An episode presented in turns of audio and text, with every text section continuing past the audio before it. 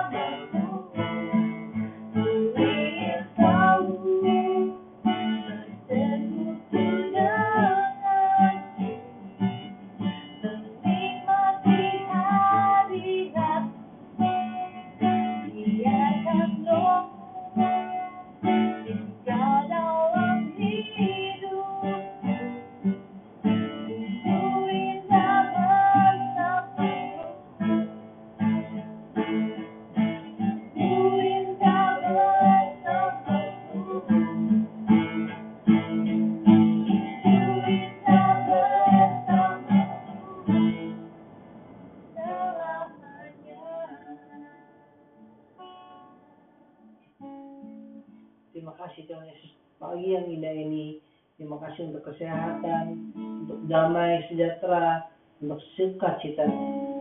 Sebentar kami ingin membaca firman-Mu Tuhan, ya yang Engkau berbicara Tuhan. Roh Kudus kami undang Engkau untuk ambil alih. Dalam nama Yesus. Amin. Amin.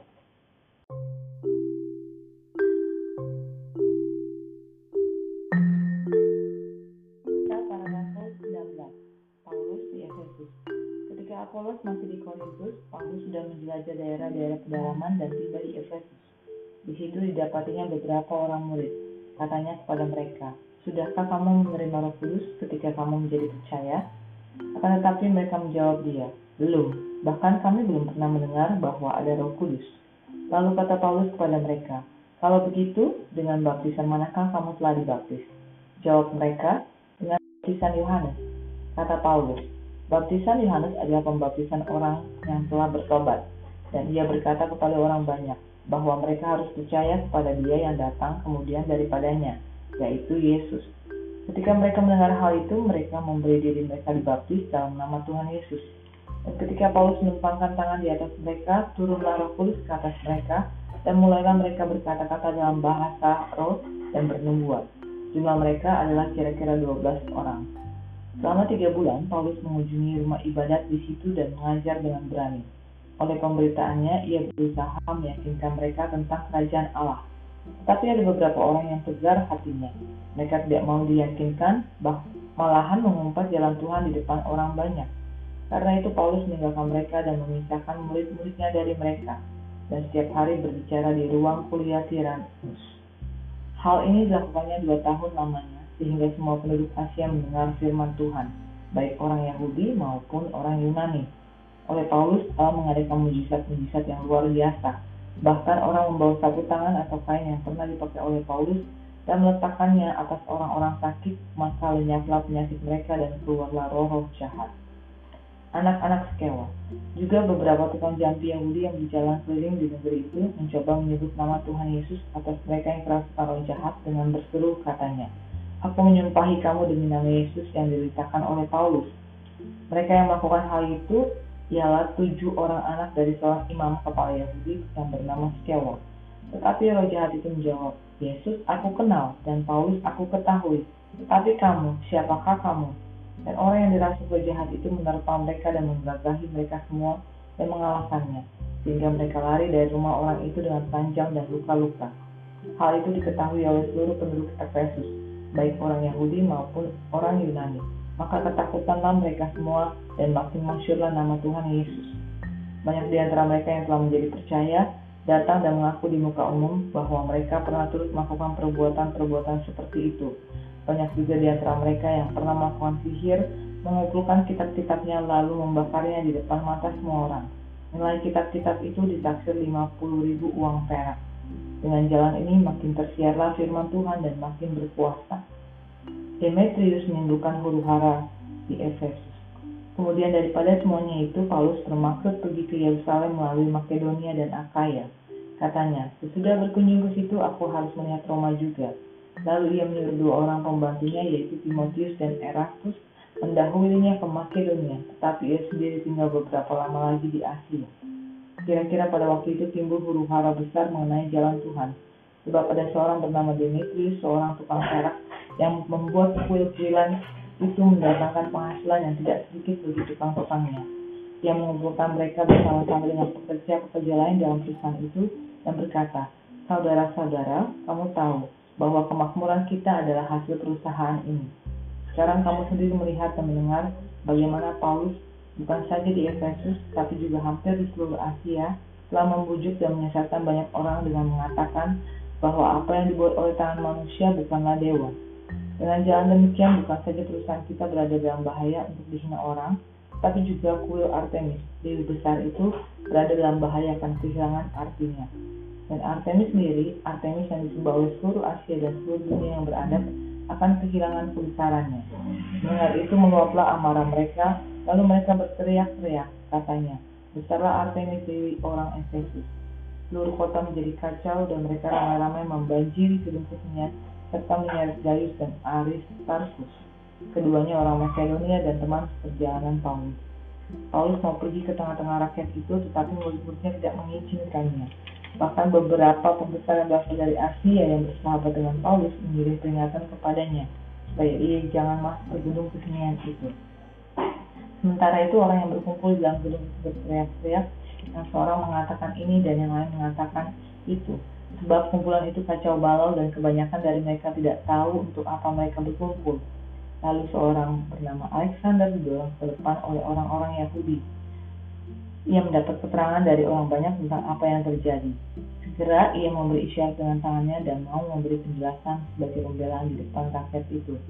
Tetapi ketika mereka tahu bahwa ia adalah orang Yahudi, berteriaklah mereka bersama-sama kira-kira dua jam lamanya besarlah Artemis di orang Efesus.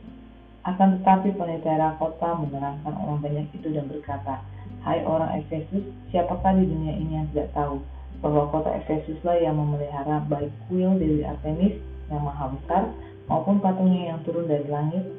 Hal itu tidak dapat dibantah, karena itu hendaklah kamu tenang dan janganlah terburu-buru bertindak. Sebab kamu telah membawa orang-orang ini ke sini walaupun mereka tidak merampok kuil dewi kita dan tidak menghujat namanya. Jadi jika Demetrius dan tukang-tukangnya ada pengaduannya terhadap seseorang, bukankah ada sidang-sidang pengadilan dan ada gubernur? Jadi hendaklah kedua belah pihak mengajukan dakwahnya ke situ. Dan jika ada sesuatu yang lain yang kamu kehendaki, baiklah hendakmu itu diselesaikan dalam sidang rakyat yang sah. Sebab kita berada dalam bahaya akan dituduh bahwa kita menimbulkan huru hara pada hari ini karena tidak ada alasan yang dapat kita kemukakan untuk membenarkan kumpulan yang kacau balau ini. Dan dengan kata-kata itu ia membubarkan kumpulan rakyat itu. Apa yang terjadi terhadap anak-anak sekewa ini agak lucu, tapi menarik untuk dipelajari. Ayat yang ke-14 sampai ke-15, kita lihat bagaimana anak-anak sekewa itu di, uh, mencoba untuk mengusir roh jahat, tapi roh jahat itu menjawab, Yesus aku kenal dan Paulus aku ketahui, tapi kamu, siapakah kamu? Kuasa menghisap urapan dan kesungguhan kita itu semuanya nggak bisa dipalsuin. Iblis aja nggak bisa dibohongin. Kasus anak-anak sekewa ini, mereka itu dipermalukan oleh roh jahat. Kita harus bangun iman kita dengan waktu-waktu intim bersama dengan Tuhan Yesus nggak bisa diwakilkan juga. Syarat mutlak kekristenan tanpa saat teduh itu hampir sama seperti anak-anak sekewa memasukkan kekristenan kita.